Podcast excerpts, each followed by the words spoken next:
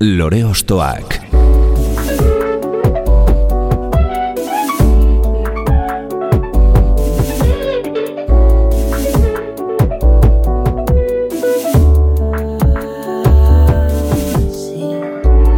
Ekain perezek aurkeztuta, gonbidatu bakoitza lore bat balitz bezala ostokatuko dugu. Jakiteko, zeintzuk diren bere lore ostoak. Haupa, zer moduz, ongi etorri lore ostoak saiora.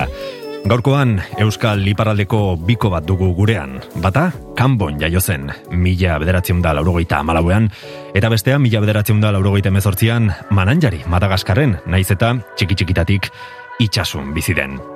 2008an ezagutu zuten elkar kanboko elizan abestu ostean, eta hortik aurrera emankizun ugari eman dituzte biko formatuan.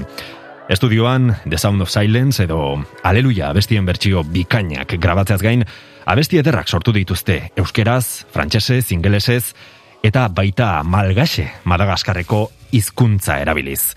Guazen ba, beraien musikan murgiltzera, hau lore ostoak da, eta gaurko gure loreak, Pauline eta Juliet.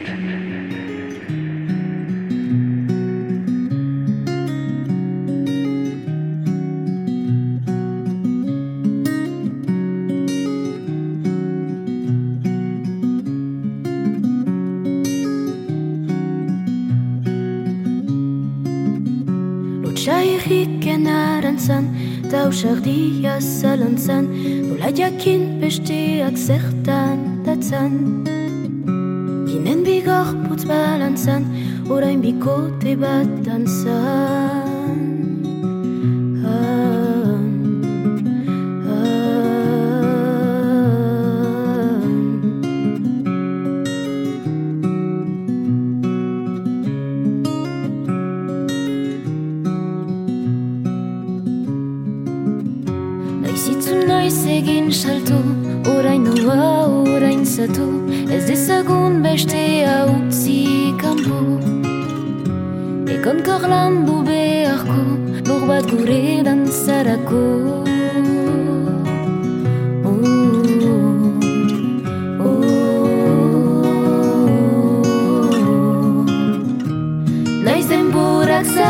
Zartuko Gaituela jakin. Egun bakoitza berasma Nezakezurekin. Bihotzak ilikarazi Odola iraki Gozatzen ikasi dugu Gauza simplekin Pauline Junket eta Juliet Alfonso dira dantzakidea entzuten ari garen abesti ederaren doinuak sortu dituztenak. 2008an aurkeztutako Beloma diskoa osatzen duen kantuetako bat da, eta gaur ere bata bestearen dantzakide moduan etorri zaizkigu. Pauline eta Juliet, ongi etorri lore ostoakera. Mil esker. Zer modu zaudete? Ondo, ondo. Mil esker. Aipatu dut 2008an ezagutu zenutela elkar, oker ez banago behintzat, eh, kanboko elizan, eta dagoeneko pentsatzen dut, ezin hobeto ezagutuko duzuela elkar musikak batu zintuzten, ezta? Bai, hori da orain uh, hasi gira duela sei urte eta erdi, ala, eta eta pasatu den azaruan uh, gure bigarren diskoa atera da, veluma diskoa ejan duzun bezala. Ala. Mhm. Eta nolatan erabaki zenuten elkarrekin abestea?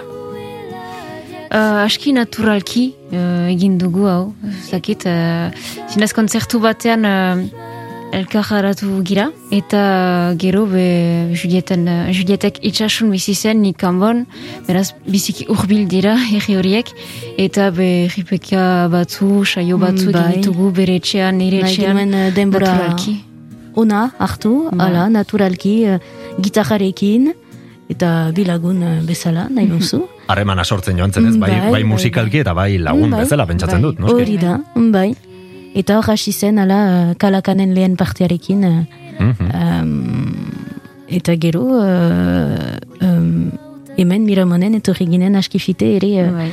gure uh, proiektua edo gure kantuak uh, abesteko. bai. Ezagutzen duzu beraz Miramonez lehen, lehen aldia. Hemen ontzareten pixka eta. Ezagutzen dugu. Familia musikalea duzu edo nondik datorkizue musikarekiko zaletasuna? Nire aita biziki maite du musika, uh, zinez uh, uh, bordaren estudian estudioak egin ditu eta zinez uh, uh, musika initzen zuten zuen. Eta nik ama bi urtetan uh, bon, bere diskoak berriz ateratu ditut, viniloak. Aha. eta eta ala sortu da musikaren gustuan niretzat, bai uste dut. Eta zuk? Uh, enetzat erran nezake, hasteko Madagaskarretik uh, uh, eldu baina izere uh, han musika initz uh, dela. Gero uh, kolegioan asiniz ere uh, um, kolegioaren uh, kantu gintza tailean hor, koralan.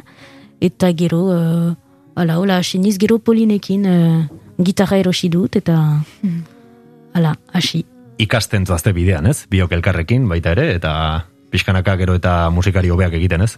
Bai, ikasten ari gira zinez, uh, uh, lehen diskoaren zat, uh, egaldaka diskoa zen uh, zinez ikaspen uh, eder bat bainan lehena, eta hor diskuntan uh, ere, bigarren ikaspen bat, uh, esperientzi edera. Bai, beti zoaz ikasten, baina bueno, e, nabari da ondo egindako lana dagoela atzean, eta bueno, elan biribila osatu duzuela.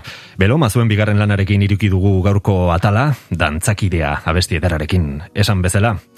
Nola idatzi ohi dituzue kantuak, edo zein izan ohi da zuen sormen prozesua? Uh, diskuntako zinez uh, autore batzuekin eta musikari batzuekin zinez lan egin dugu. Beraz dantzakidea kantu horrentzat. Uh, Madi Sarasuak hitzak egin ditu. Madi Sarasuak beraz bertsuraria itxasukoa. Eta laguna, ere.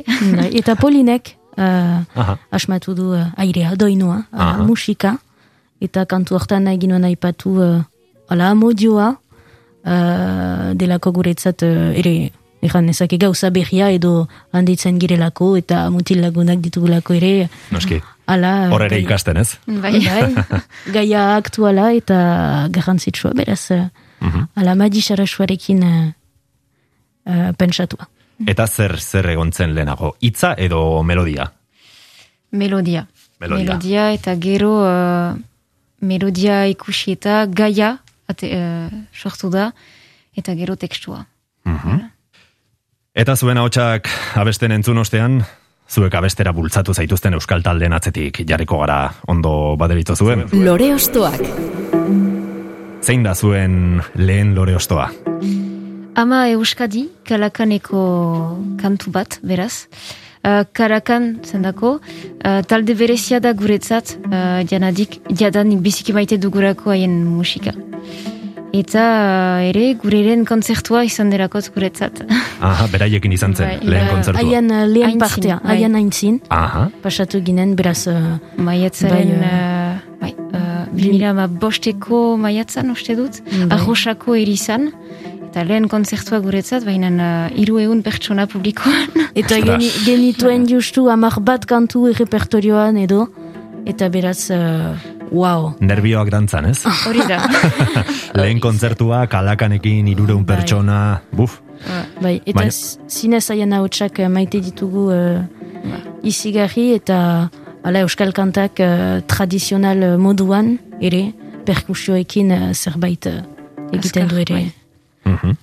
Duela urte batzuk taldea utzi zuen arren etieri bizkari e, kalakanen hasierako elementu garantzitsua izan zen eta orain bakarrari moduan ere bidea egiten ari da. Zuen kopla berriak Bai, egaldaka bai, diskoko berarekin. kantuan ere parte hartu zuen, ezta? Bai, Bai, bai. berarekin. Be, justu kantu hortan nahi ginuen ala uh, um, Zerbait tradizionara Bai. ukan, bai, zinez. kalakanen moduan zerbait Bai. ere, eta beraz uh, ala perkusioekin akapela eta Thierry Bizkarri uh, deitu ginuen eta placer bat izan zen uh, berarekin kolaboratzea. Bai. Eta nola izan zen berarekin lan egitea? Uh, Profesionala. Bai, biziki sinxoa da. eta ba, biziki gisakoa ere, zinez eksperientza bat Bai. izan zen. Eta estudiora joan ginen uh, berekin. Mm, bai. Eta ikusi ginuen Thierry be, lanean, estudioan, eta zinez hori be, hor biziki eh, gauza hainitz eh, Ikasi ikasten dituzu. Ikasketaz ari gara ikasten, eta Bai. e, egiten, hor asko ikasiko zen duten. Esan, Bai. esan bezala, profesional bat, em, urteak daramatzana, ja, ba, esperientzia batekin ez, eta bueno, hor ikusten dituzu estudioko eh, prozesuak, nola zer Bai. priorizatu zerri garantzia eman, ez? Bai, da, bai. eta gainera gazteak ginen, eh, lehen eh, diskoa, lehen esperientza ere, beraz, eh, bai, ikaspen eh, edera, ere. Pentsatzen dut eskertuak zaudetela beraz izan duzuen babesarekin. Thierry, eta bueno, beste hainbat izen zuen inguruan elkartu dira, ez? Bai, bai. Zerbait ikusi du jendeak zuengan. Bai, esan zainitz ukan dugu, ez dakit, eh, bai, Aukera ederrak. bai. Bai. Pierre Bordazarre, etxaun iruri moduan ezaguturikoak idatzi zituen Ama Euskadi, Polin eta Julietek aukera duten lehen lore osto honetako hitzak eta interprete lanetan iparraldeko ahotsaren esentzia ederki plasmatzen duen taldea. Kalakan. Zelutik zinik deixu har bat Ene iratza hartzera Amaribi kobla hontzeko Bortxatu niz sinestera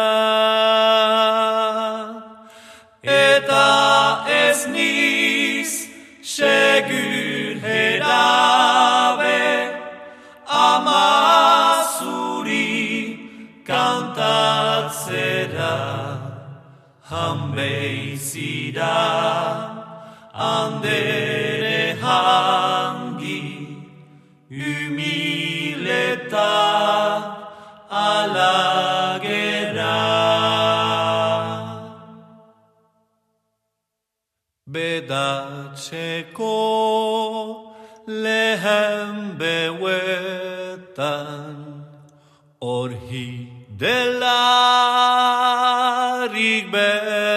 Berdatzen Haroturik artzainak dira Beti gora abiatzen.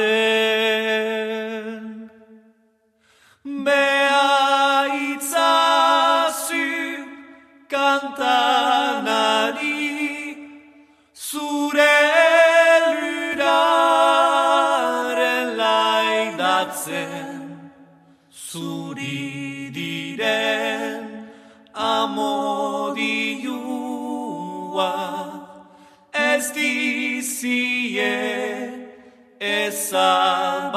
ezabatzen Ama egun siberutar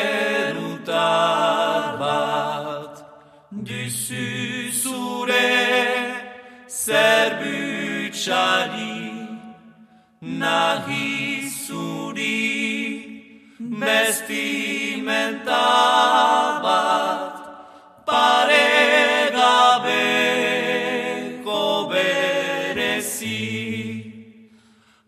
Matzah.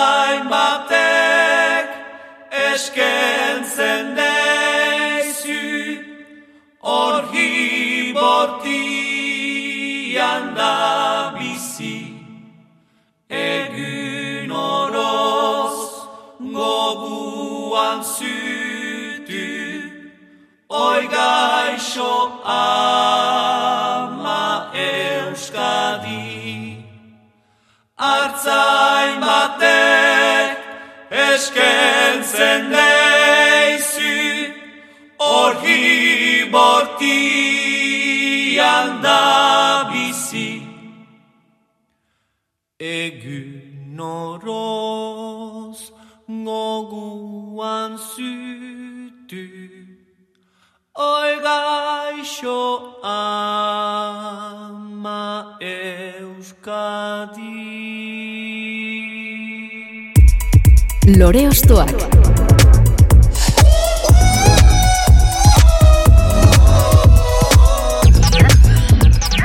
Iparraldeko bikoa dugu gaur gurean eta iparraldean hasi dugu baita ere beraien ostokatze prozesua kalakanen elementuak laneko ama Euskadi entzunez.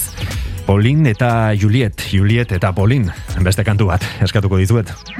bai, Bai. hautatu dugu uh, handie dualderen uh, kantu hau zuretzat abestia.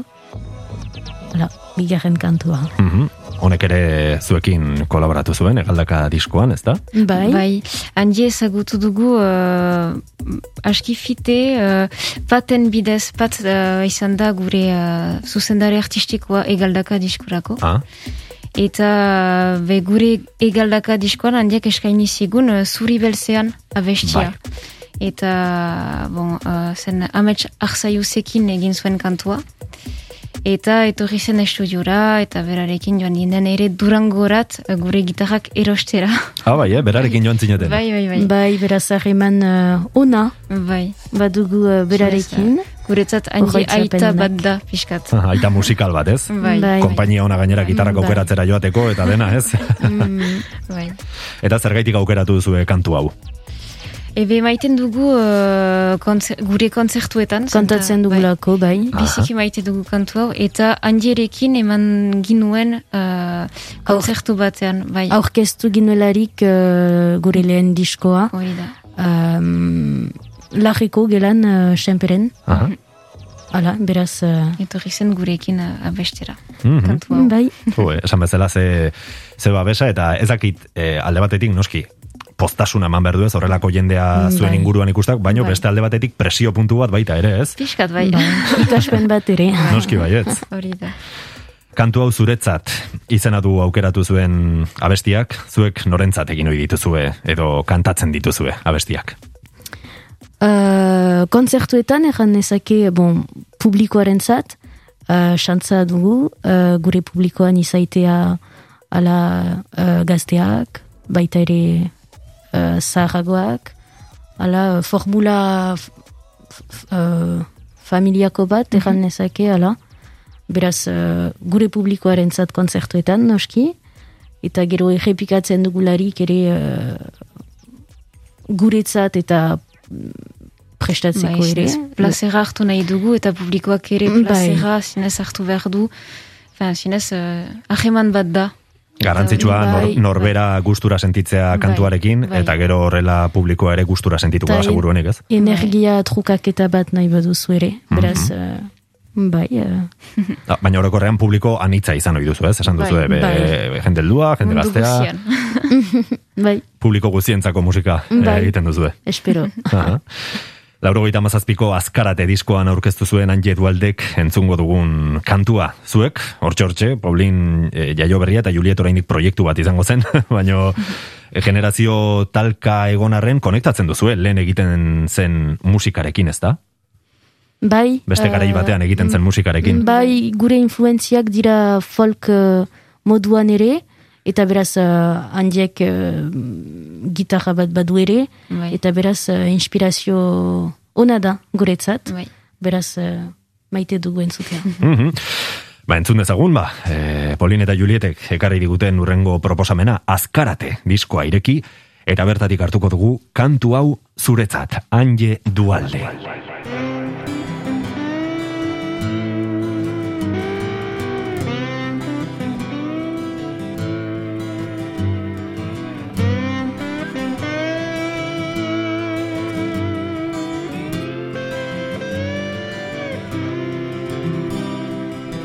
Olerkaria izan banintza aurkin ezake xuxen hitza. Bideratzeko nere eskaintza zuri nere aitortza. Aspaldidanik nauzu jasaiten beti fidelki susten gatzen Oker banago nauzu zuzentzen eta beti barkatzen. Baina kantari soil banaiz eta denak ozka eta kezka Ahal gutxiko sasi profeta ilusioz beteta Artzazu oto otoin ere eskaintza Naiz gutxi bada. Kantu hau zuretza da. Kantu hau zuretza da.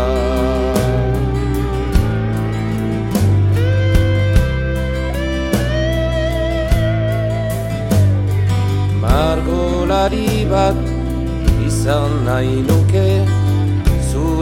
itxura marrazteko Kolore guzi zapainezake Argiena gogoko. Zordizudana nola ordaindu Dan ere kezka da ezina. Nir naiz ezer zu ez bazaude Hau da egi gordina. Baina kantari soil banaiz eta Denak ozkatak ez da.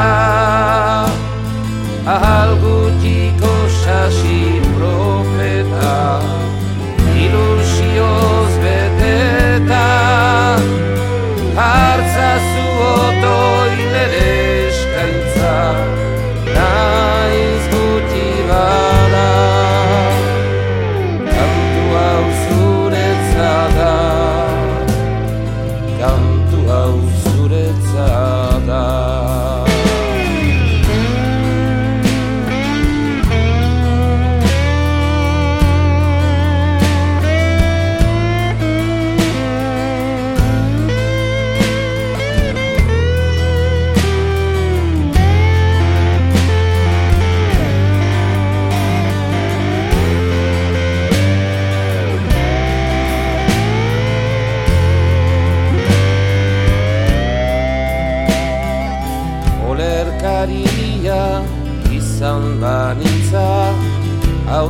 Aurkinezake xuxen hitza. Bideratzeko nere eskaintza Zuri nere aitortza. Baina kantari soil banaiz eta Denak kozkatak ezka. Ahal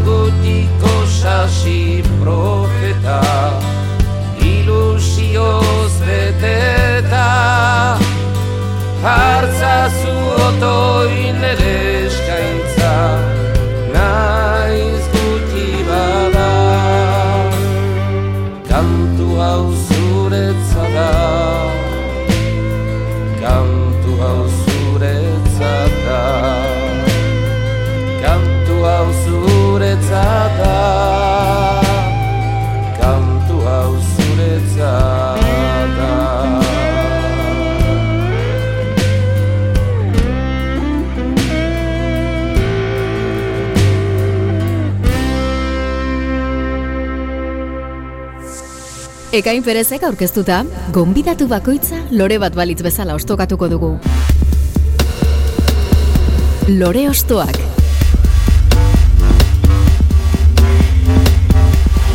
Euskal Rokaren aitzindarietako batekin, Anje Dualderekin izan gara azken minutuetan Ipar Euskal Herriko magiaren lekuko. Eta Ipar Euskal Herrian jaraituko dugu, hangoak direlako gure gaurko gonbidatuak, baino baita zuen urrengo lore ostoa ere, ezta? Bai. Nor da? Xabeltz. Bai. Ostatu psi kantua. Mhm. Ba, Xabaltz ezagutu dugu uh, gure lehen diskoaren momentuan.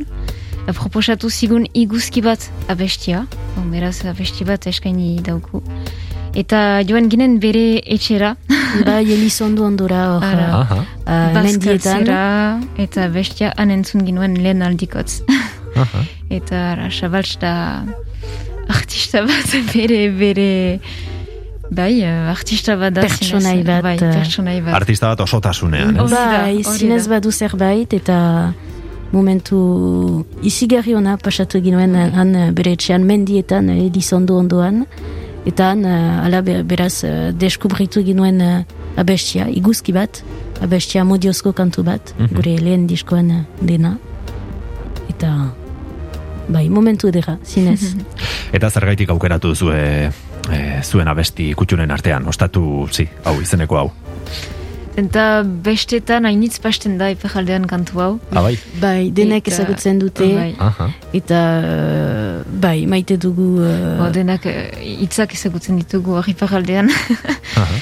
Eta bazinez, eh, bai. Oro, oroitzapen Ura, onak bai. eh, Bai. ekartzen dizkizue beraz, ez? Eta kantu hortan den uh, mesua maite dugu zinez, ere uh, nola egan uh, uh, ez da elokeria, baina uh, bere lokura nahi bauzu, Bai. na- nahi zuen ere uh, uh, adierazi kantu batean, eta eta lortu du. Hemen plasmatu zuen, ez? mm, Bai, eta jakasta handia izan zuen ere uh, kantu horrek beraz uh, izi gerri maite dugu. Iparaize taldean ibili zen, mila bederatzen da laurogeita bederatzitik, mila bederatzen da laurogeita amabira amaikara bitartean, eta gero bakarkako bideari ekin zion. Zuek oso gazteak zarete, pentsatzen dut lehenago ez zaretela beste talderen batean edo ibili, ez? Ez, ez, Ez. Hau da zuen lehen Bai. aventura musikala. Lehen proiektua. bai. Lore Ostoak saioan, Loreak eskatu, 2008ko diskoa irekiko dugu beraz, gure gonbidatuek horrela eskatuta. Zureiden, lapurdin jaio eta gaur egun mugatik gertu, zugara murdin, okaraz banago, Nafarroan bizi den Pantxoa Bergara, Xabaltz, moduan ezagunaten kantugile, olerkari eta irrati esatariaren kantua da, ostatu zi. Sartu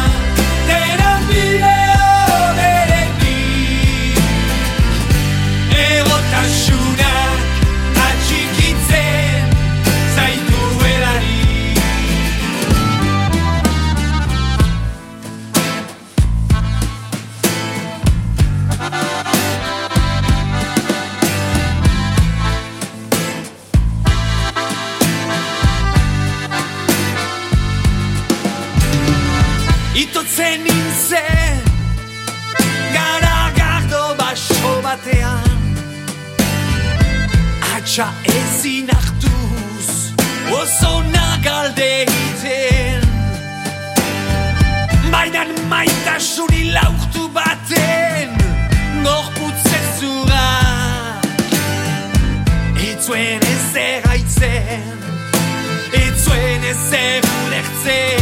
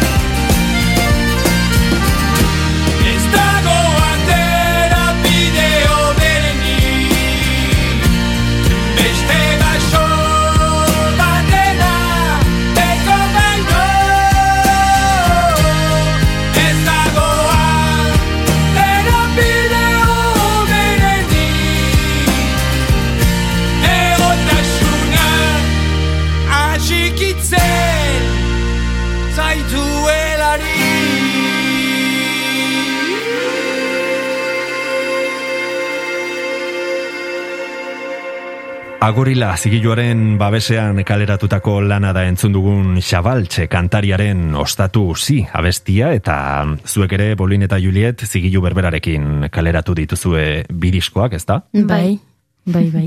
Nolatan, e, sortu da harreman hori edo E, Gojirarekin, e, be, kontzertu hainitz egin ginituen beraz kalakanekin hasi zen, eta gero ukan ditugu ba, fite hainitz.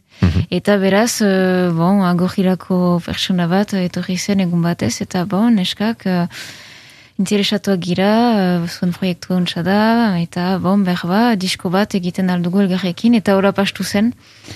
Eta bon, beraz, bi disko egin ditugu haiekin. zigilu garrantzitsua da gainera. Bai. Beno, ba, beste kantu baten atzetik jarriko gara. Lore ostoak. Nor da orain aukeratua, zuen aukeratua. Mm, Mikel Urdangarin, beraz, uh, oial puska bat kantua. Uh-huh. Uh, abesti hau ezagutu ginuen, be, ane albisuren bidez, uh, irratiako kasetarari batek, ane albizu eta gure laguna bilakatu da. Uh, aneren etxean entzun ginuen abesti hau, uh, beraz, gaia, musika, hautsa zinez ahitua egon ginen uh, Bai, Mikel Urdangarinen hautsa Hots berezia du, eh? bai, bai, berezia, baina eh, zoragarria, bai. Behin baino gehiagotan aipatu dugu gainera saioan daukan vibrato berezi hori, Bai, ez? hori eh, bai. entzuten duzu eta badakizu bera dela, ez? bera. Bai. Eta abestia abesten zuen uh, bakarrik uh, gitarrarekin. bai, ezen moldaketa undirik. Bai, arreglorik ez, fin, bai, gitarra, baina... Bai, baino eh, Tresna... Ez zen tresnarik, ahotsak protagonismo handia Bai. hartuz, ez? hori da. Eta, ger, eta beraz, uh, kantu hau, uh, abesten dugu ere uh, ala polinekin Bai, bikotean. gure lehen diskoan, beraz, egaldaka diskoan berriz eman dugu, Baina tresna... gure musikariekin. Beraz, Bai. moldaketa bat proposatu dugu, eta bon, gorri dugu ere Mikeli. Aha. Zuen ukitua mantzenien, ez? Emantzenieten abestiari. Bai, Bai. bai. Eta gainerat aire edo doinu doinu izigarri edera da Mm. eta gaia ere Bai. maite dugu eta garrantzitsua zen guretzat eh, ala aipatzea uh, oial bat ez duten eh, jendeek Mm. ala, beraz eh, Asko esaten du hitzak, eh? Bai. Gauza Bai. gutxirekin, Hori da. bai, ahotsaz hitz egin dugu, Mikel Urdangarinen ahotsaz zuek, abesteko ikasketak edo eh, jaso izan dituzue, edo zuen kontura ikasi duzue? Bai, bai. Zinez, kortxo batzu hartu ditugu, baina ez, ez, ez hainitz nire, nire kasuan. Eta zinez gero, be, Julietekin eh, kantatzea ere eh, bon, moldatzen gira, eta um, bai, errepikatzen dugu hainitz ere, elgarrekin, eta bon, nik ez ditut kurtso hainitz hartu, baina Julietekin behar dut eh, lan egin, hori da. Mhm. Mm, bai. Uh, enetzat, uh, Patrice Watsonekin, akelajiren uh, kantaria, hor. Ah, bai? uh, Watsonekin hartu ni, uh, nituen uh, kurtsuak, ala, uh, sortzi labetez, uh, eta gero uh, gitarraren zat, ene gambaran uh, Aha. ikasi nuen. Baina uh, Polin bezala behar dut ere landu uh, bikotean. Noski Hala. gauza bada bakarrik abestea, baino beste ahots batekin ondo enpastatzea eta, bueno, bukaerak ondo Bai. eh, zatitu eta dena, ez? Hori da, bai. Hor, landu beharreko gauza bada, bakarrik ezin da egin hori, ez? Hori Beste pertsona ezagutu behar duzu, begiradak, eh, konplizidade hori sortu, ez? Bai, eta orain egan ezake feeling bat uh, badela, ala, uh, Gure, gure artean. elgar begiratu gabe sentitzen ditugu ere uh, gauzak, baina uh, lantzen da, noski. Aha. Bai. Hori, hori kuriosua da, eh? nola sortzen den denborarekin, eh, musika konpartitzen zaudenean pertsona batekin, eh, Automatismoak bi, bi edo- burmuinak eh, nolabaiteko konexioak sortzen Bai, dituzte, bai, ez? bai, Eta, bai, bai, hori da. eta badakizu zer gertatuko den, zer datorren, edo zer pentsatuko duen besteak, ez? Mm, bai, trompatuko den, ala ez. hori da, hori da. Gerardo Markuleta, poeta oinatiararen hitzak dira, eta Mikelek esan bezala, bere hau ederraz jazten ditu 2000 eta amabost zenbaki erromatarrez idatzitako urte bereko diskoan. Entzun dezagun ba, beste behin, Mikel Urdangarin gaur, oial puska bat abestiarekin.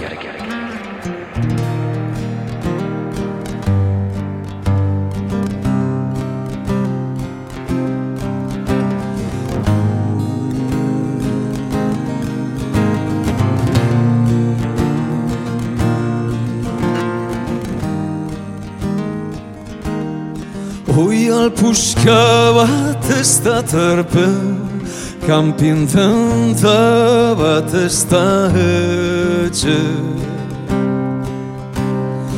Iez bidea ez da bide Guk bakan un bizti modua Zoro zelaiak kanadua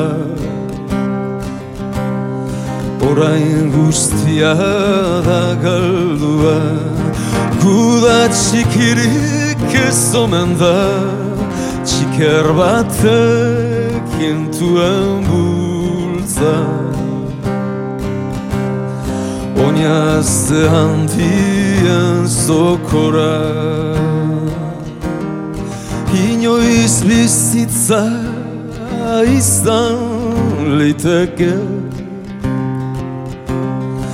Oi alpusketa baten pare. Han laburrak izobera hemen. Urratu edo zulatua Oi alden da bat ezin da izan Aurrentzako bizilekua Aurrentzako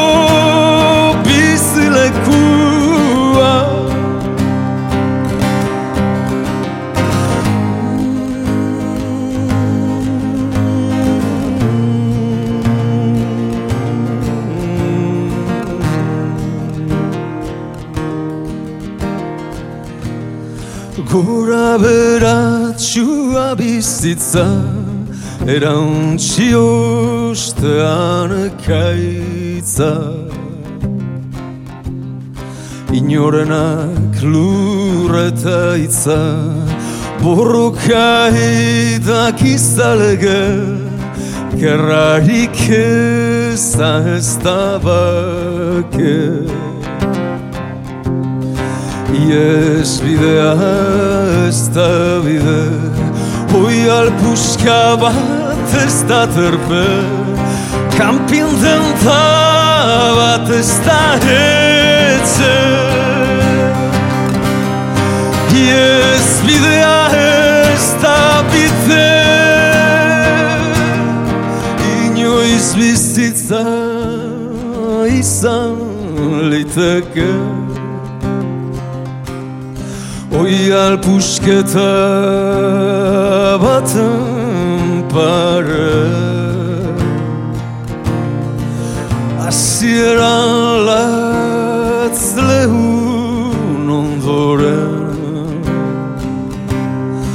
Urratu edo zulatua Oi alten da bat ezin da izan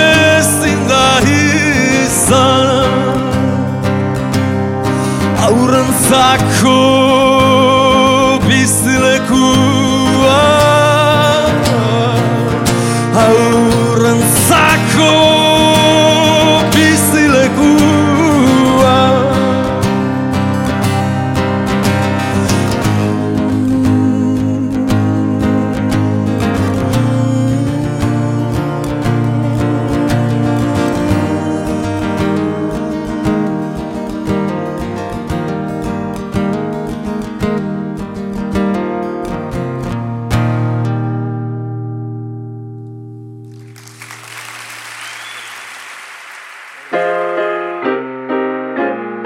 Lore Ostoak.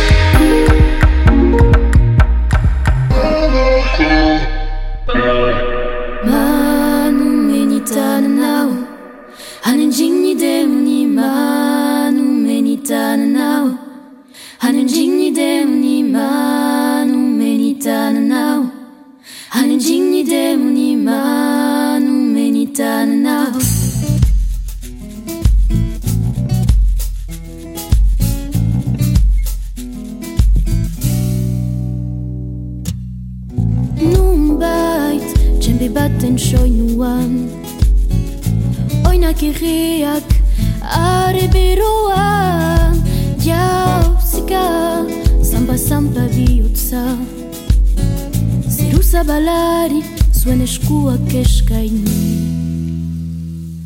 Manu menitan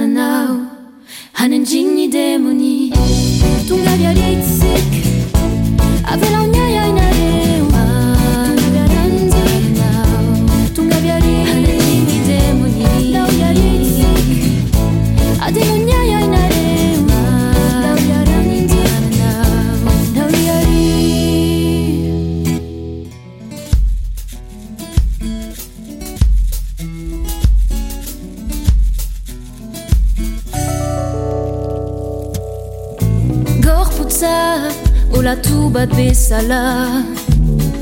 Ikaitza ilunean altxatua Gora bera, zampa-zampa besoak Zeru zabalari zuen gogoa utzi. Manu menitan nau Hanen jini demoni. Tungabiaritzik Avela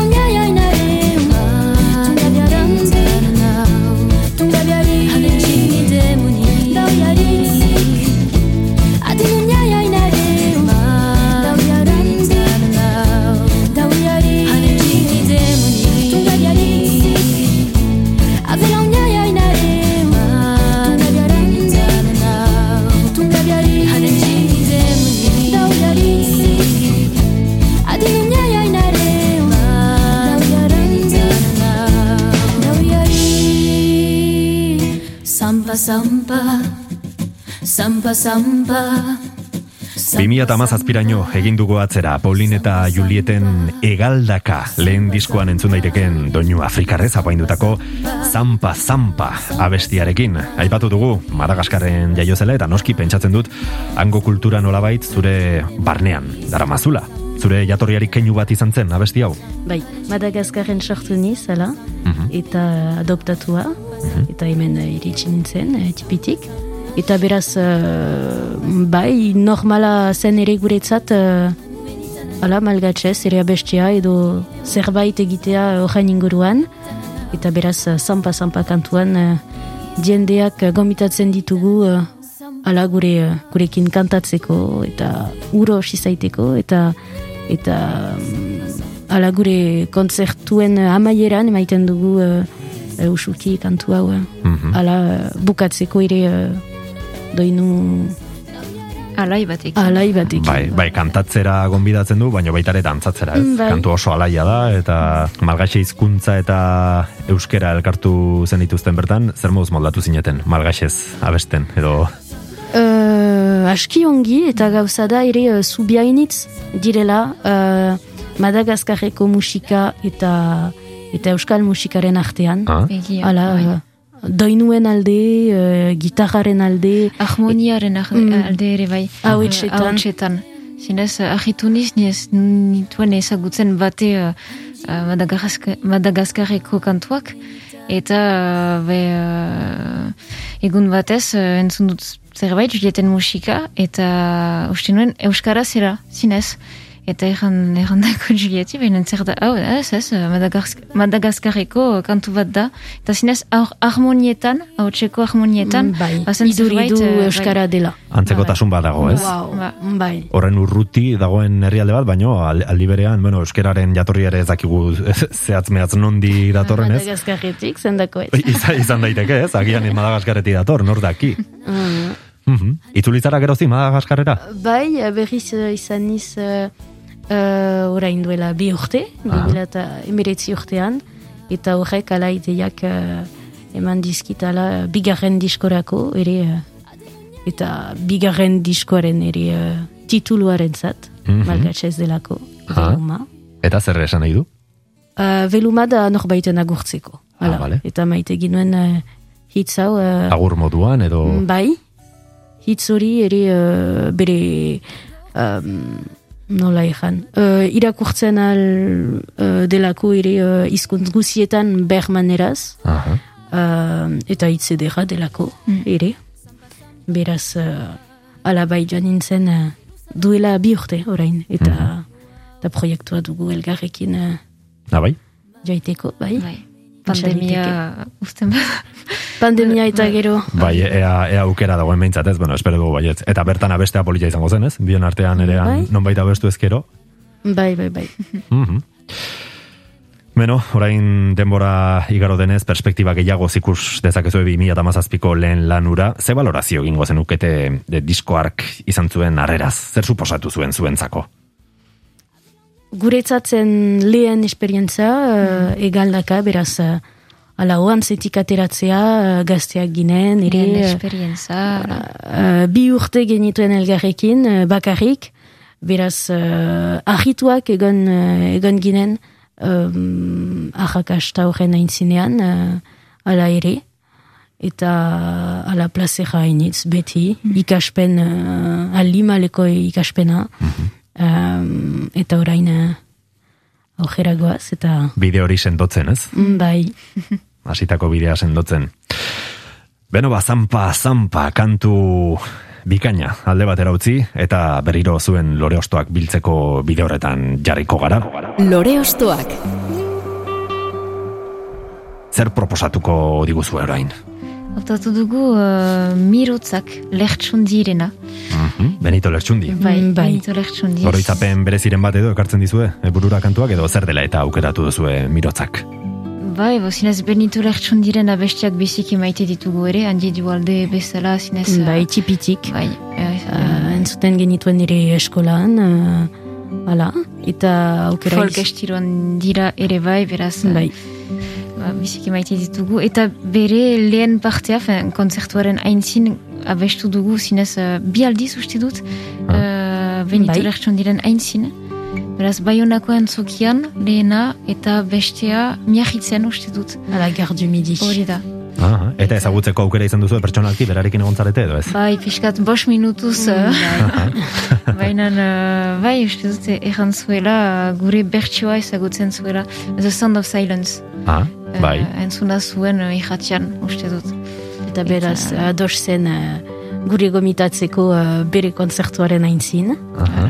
Eta bai, uh, berak ere doinu izigarri ederrak ditu, uh, musikari wow, eta... Bai, on- ondo babestua bera ere. Bai, eta beraz, uh, hautatu ginoen ere mirotzak kantua, uh, abesten dugulako ere gure konzertuetan. uh, ere bukatzeko konzertua uh, um, lasaiki, jendeekin. Eta, ala, Benito Lertxundi... Uh. Mirotzak, abestearekin. Mikel Urdangarinen ahotsa goraipatu dugu lehen zer esan Benito Lertxundiren ahotsaz, ez? Honek ere ahotsa dera duga. Bai, be, entzuten dugurarik uh, bere hautsa, zinez, uh, Zerbait pasatzen da, eta lasaitasun bat bada ere, uh, bere musikan, ez dakit nola... bai, esplikatu bere. Bai. lasaitzen du, eta bere hautsan badu zerbait uh, izigarri enetzat, rock, uh, Bai. um, nola ejan. Konektatzen duzu azkar, ez? Bere Bai, bai, hori da.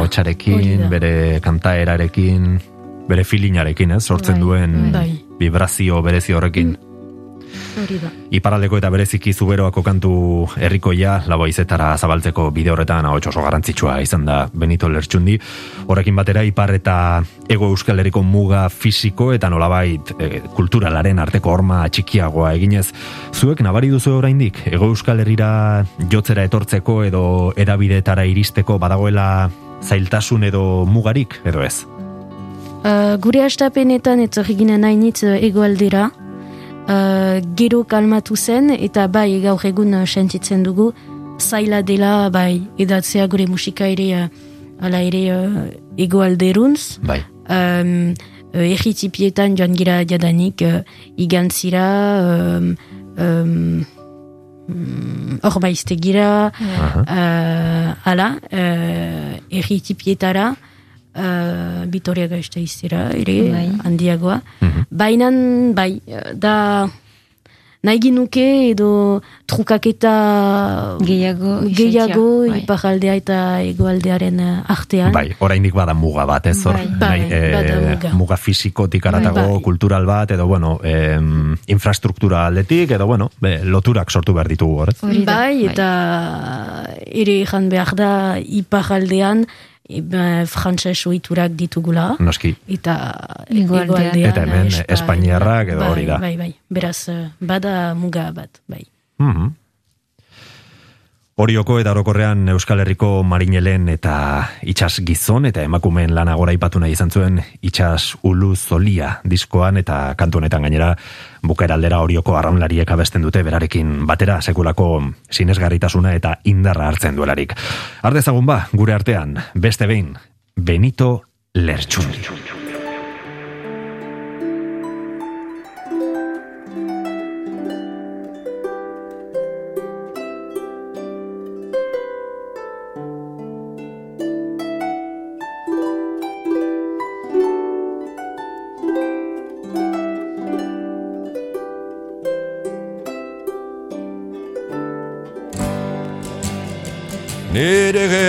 Gerrian Miros leinuan Arraun horru Bioskadaren oiuan Nere gerrian Miros leinuan Arraun horru Bioskadaren oiuan. Eguzki printze Urrez jantzia Garaiz mina Dara maleia ontzian Denboretan Mirotzen atza. Kantaurian Itxatzirik denukatza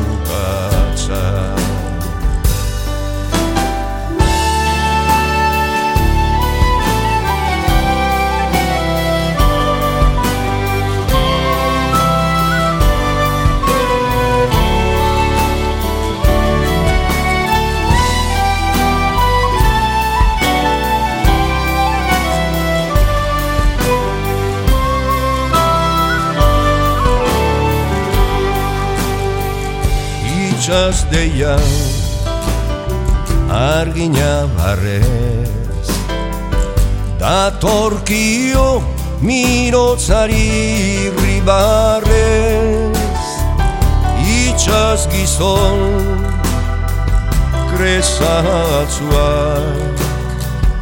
Ozetan minen uretan miroztuak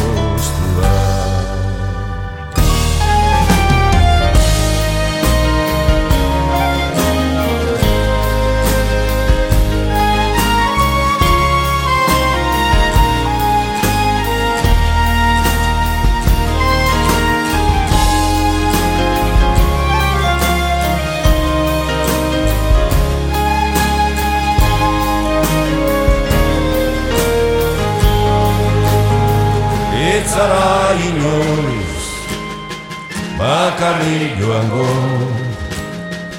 Miroz gogoa da zure arnazta izango Etzara inoiz Bakarrik joango.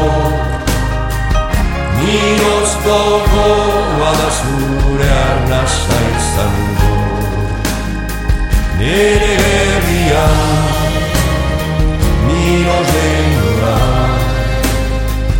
Horru Bioskadaren oiuan Nere gerrian Miros leinoa Arraun horru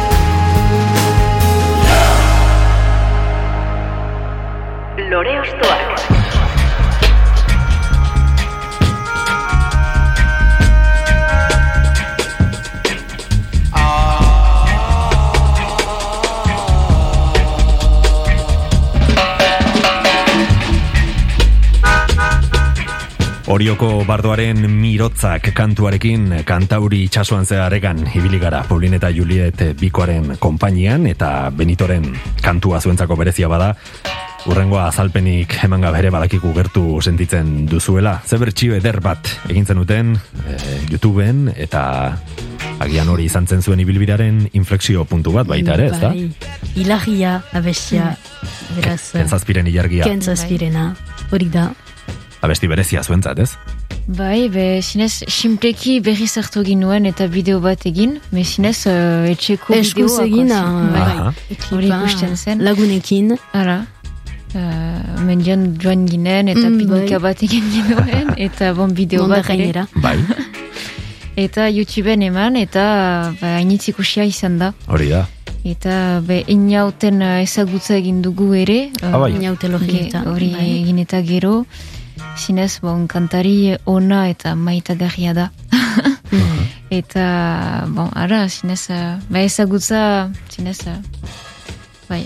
Ahreman ona, eta bai egia da bideo horrek uh, ala gure, gure bidea ere uh, um, nola ezan Hasiera mantzion edo, ez? bai hori Eta da. igualdean, uh, igualdean. Hori da, egoaldiarekin Bai. lehen aipatzen genuen lotura moduko bat Bai. sortu zuen, ez? Ba, Bai. jendeak kentzazpi asko ezagutzen duelako, eta Mm. zuen ahotsetan entzute horretan, ez? Ba, esan zuten ara, begira, biko hau Bai, ze baina- ondo dabilen, ez? Mm, baina uh, ostian eman zinuen uh, zampa-zampa kantua eta beraz uh, ilargia kantu hau ere uh, gure astapenetan uh, abestu ginuen Aha. eta bitxe egiten du uh, ez da gure hautsak uh, izigarri aldatu dira, orain beraz uh, hala Orain entzuten duzu eta Mm, e, bai. ia ez duzu zuen burua ezagutzen. wow. Asko aldatzen da, eh, gauzak, eta bueno, denboarekin, noski. Mm. Einaute lorritarekin ere egon ginen lore ostoak enbesta tal batean eta polita da pentsatzea besti berberak bai beraiei eta bai zuei ba, jendearekiko gertutasun hori ematea. Abestiak nolabait izaki bizitun moduko bat dira, ez? Norbaitek sortzen ditu, baino gero edo nork abestu edo bereganatu ditzake. Mm, Bai, izigarri maite dugu polinekin uh, asigira bertsioekin, uh, ala, uh, kantu bat entzun, eta berriz, berriz kantatu gure, gure moldean, eta gauza edera da gure ustez, ala, uh, aukera izaitea, uh, ala, kantuak berriz, uh, berriz kantatzea, uh, Eta zuen ukitua ematea, ez? Bai, Aipatu bai, dugu bai. lehen, Simon Garfunkelen The Sound of Silence, horrekin ere bersio e, bikaina egintzen duten. eta sorkuntza egin horren inguruan, ala, eh, gitarrekin, eh, hautsekin, asmatu gauzak, uh, izigarri maite dugu. Eta beraz, hilargia besti horrekin eh, aukera izan ginoen hau egiteko. Mhm. Ba, entzun dezagun, eniaute elorrieta eta konpainaren ilargia 2002ko bidean diskoan aurkeztutako maitasun ere serki honekin hartuko ditugu beste behin kentzazpi.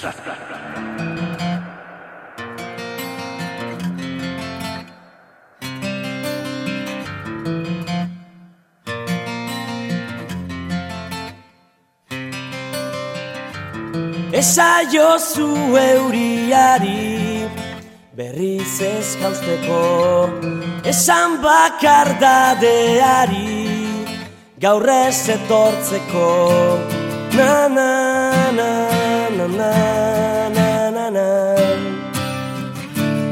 Na na Eusten nauen soka zara Teitotzen nauena Ametsak sortu zizkidana Galtzen dituena Na na na na na na na na Na na na na na na Zuretzat gilargia lapurtuko nuke gauero Eta zu itxu zaudet bere argia ikusteko Irri farrez, gero minez, negarra Nire sua itzali da Ez zara gaueko izar bakarra Ez zara na, na. Na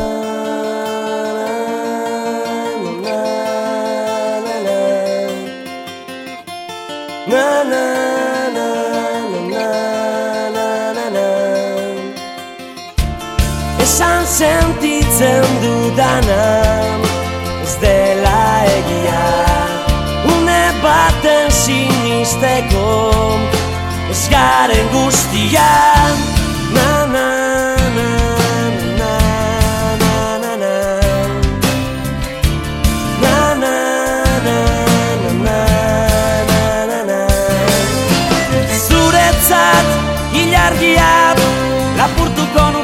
gauero.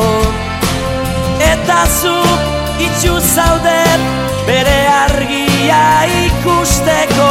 Irrifarrez, gero minez, eragin didazu negarra. Nire sua itzali da, ez zara gaueko izar bakarra. Ez zara na, na, na,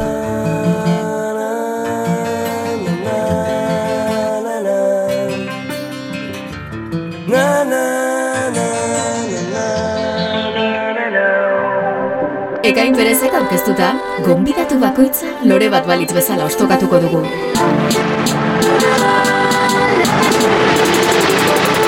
Lore ostoak.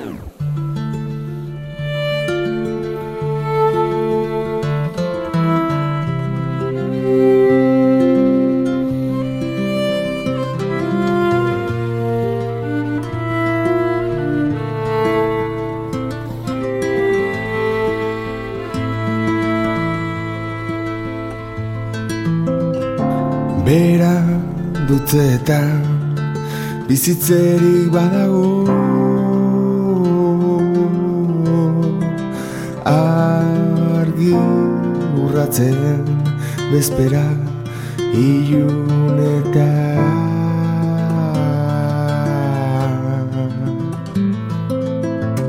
Musuek ez errezaren kolorea duten eta Baina liberean dagoen dena direnean. Biluztasuna gau jantzi janzterik bagenu. Biluztasuna gau jantzi janzterik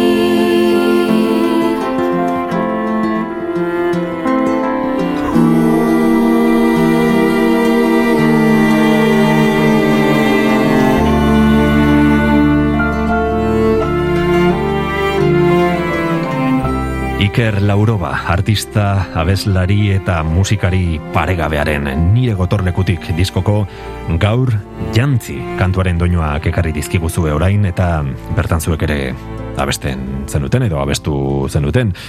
Nolatan sortu zen elkarran hau?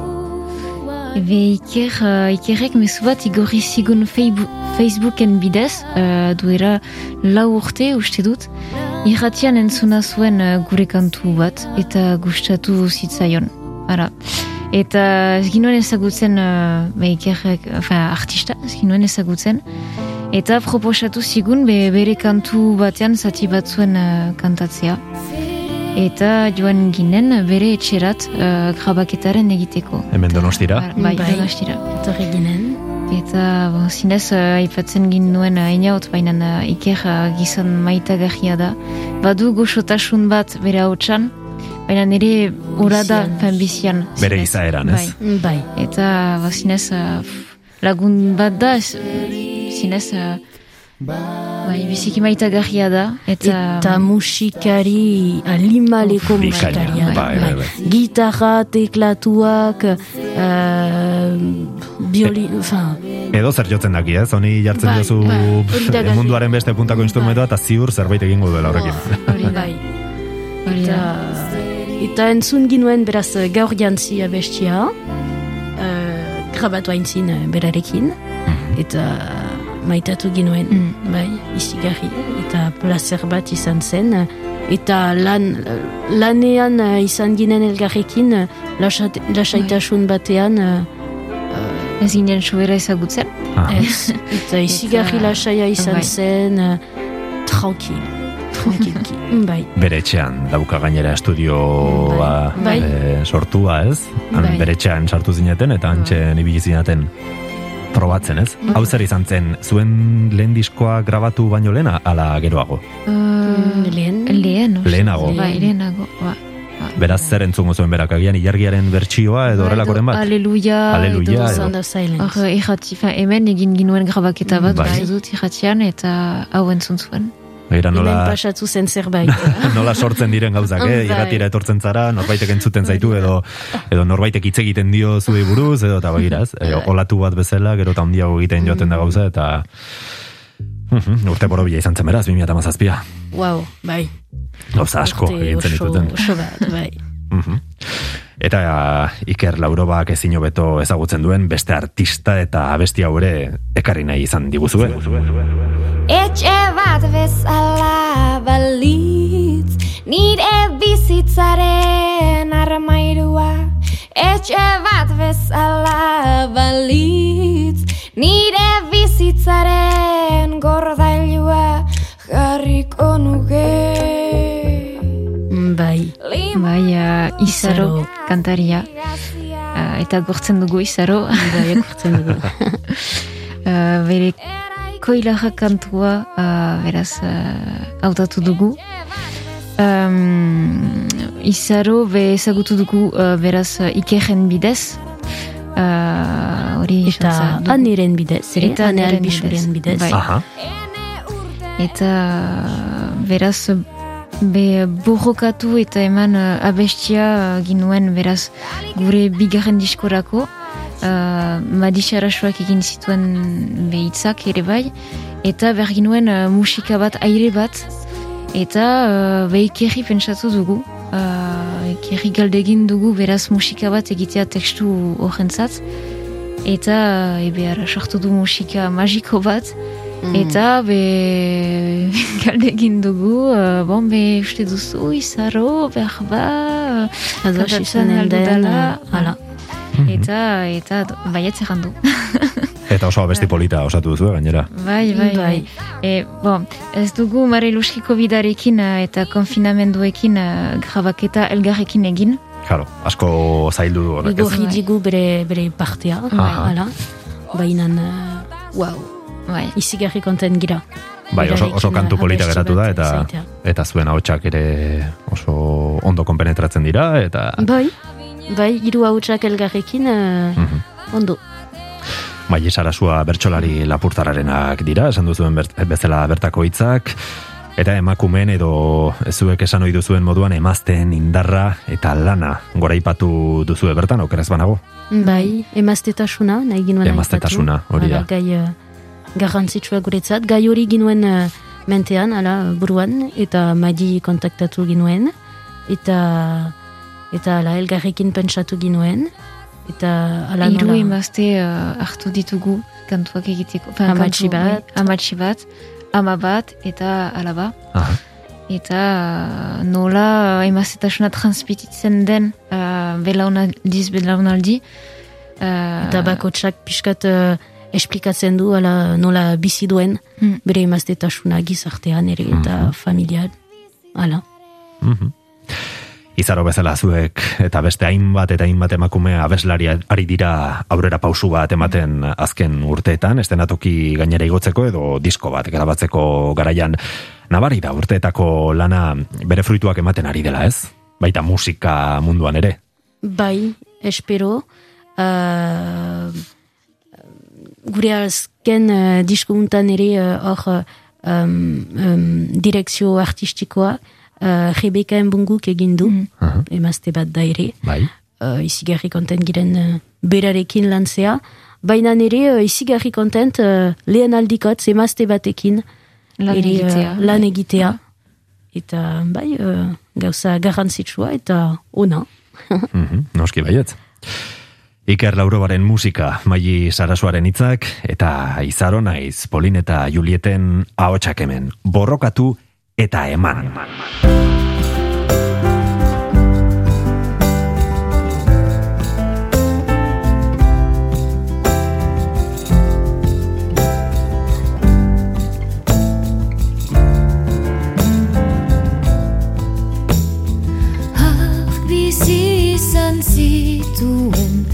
gerlan gusia eta utza Auzo lana etxaldea ligezaren eriotza Guk orpairatu zituen miseria eta bortxa Zain zailea babeslia langile goxoa irusa Familia naizta neoiz ez egin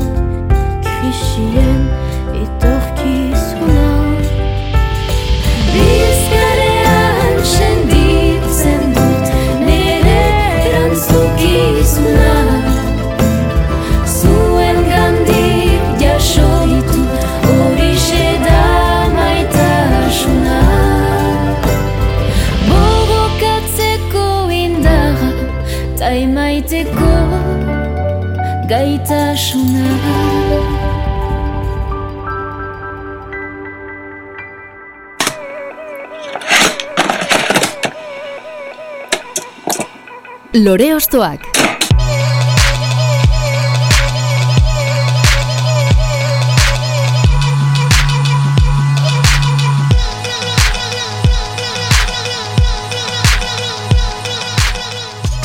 Izaro eta Iker Laurobarekin egindako elkarlanak aipatu eta entzun ditugu, azkenik borrokatu eta eman kantuarekin, eta orain bai, azken lore osto baten bila joko dugu.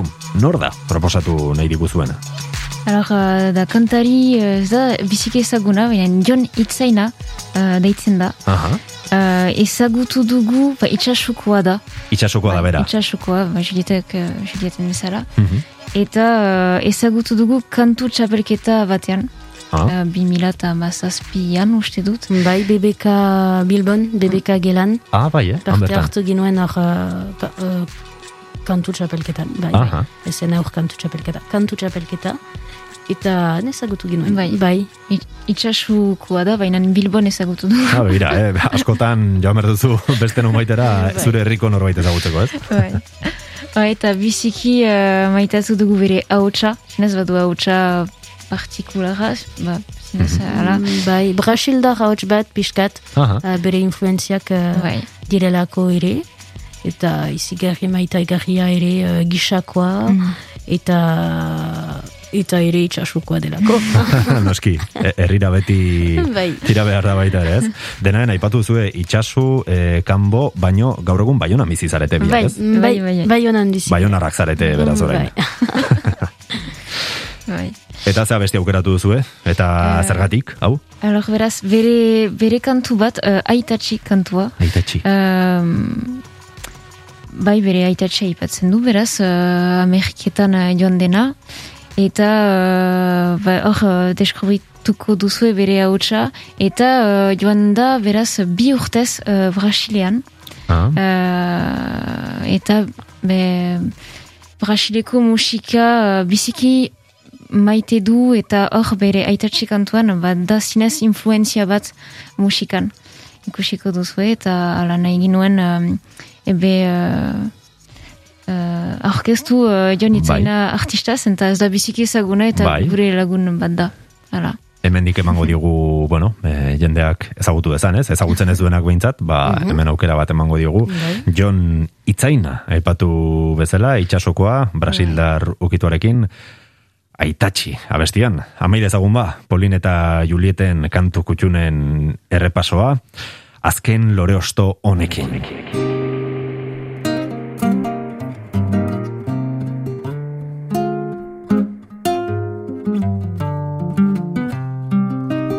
Aitatxi Gazterik utzirik bankako janejekak Sortegiko aizego haren ferekak Bustaineko amaren elzekaria.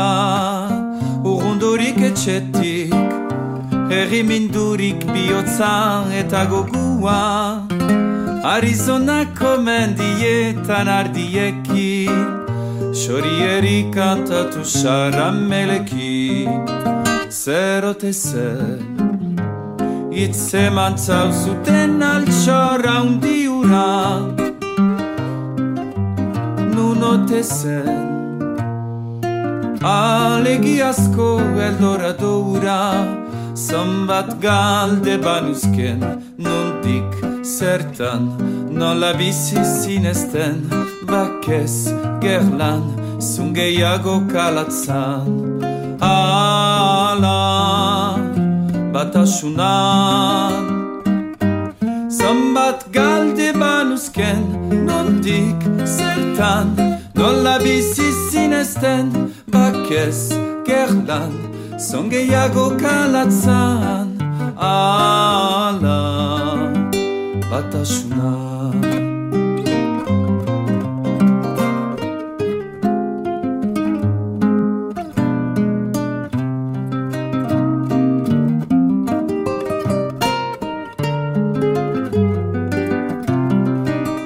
Amestu Zintudanik dianuen eskuak hartzen Artz basapuna lukaldi batez garraitzen Zaldizka zela jerrekak trebesatzen.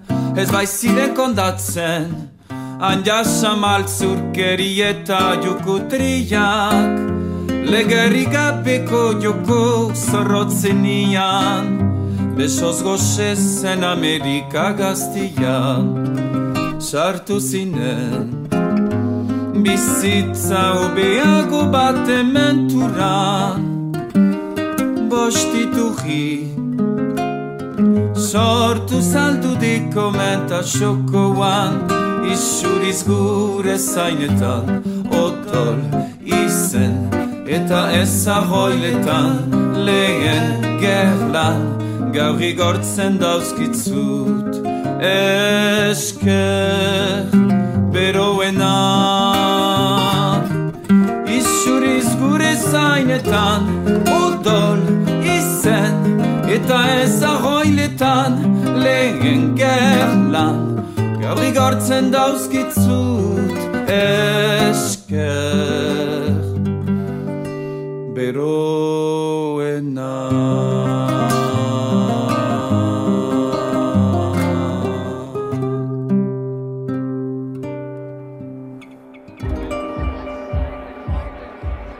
Lore Ostoak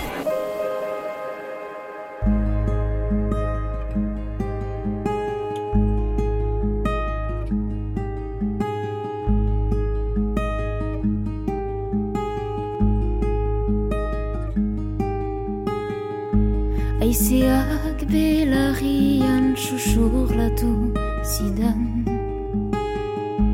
Irasiman soasurain imendikan Betiko da itu asurien kantua Oiana geizkidela dute ulertua Ki abada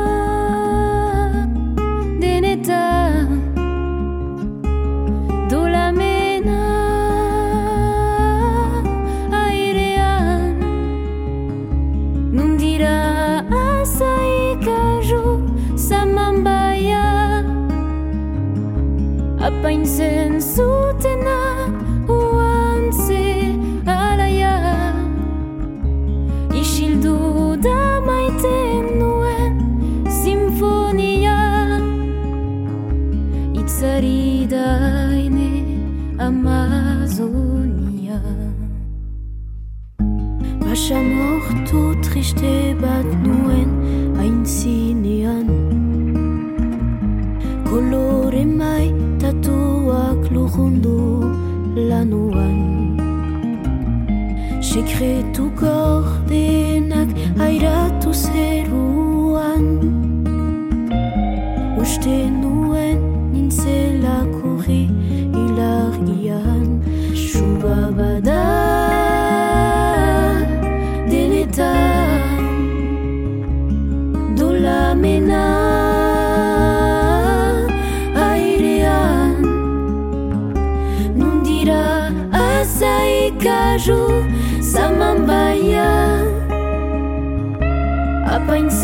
Apaintzen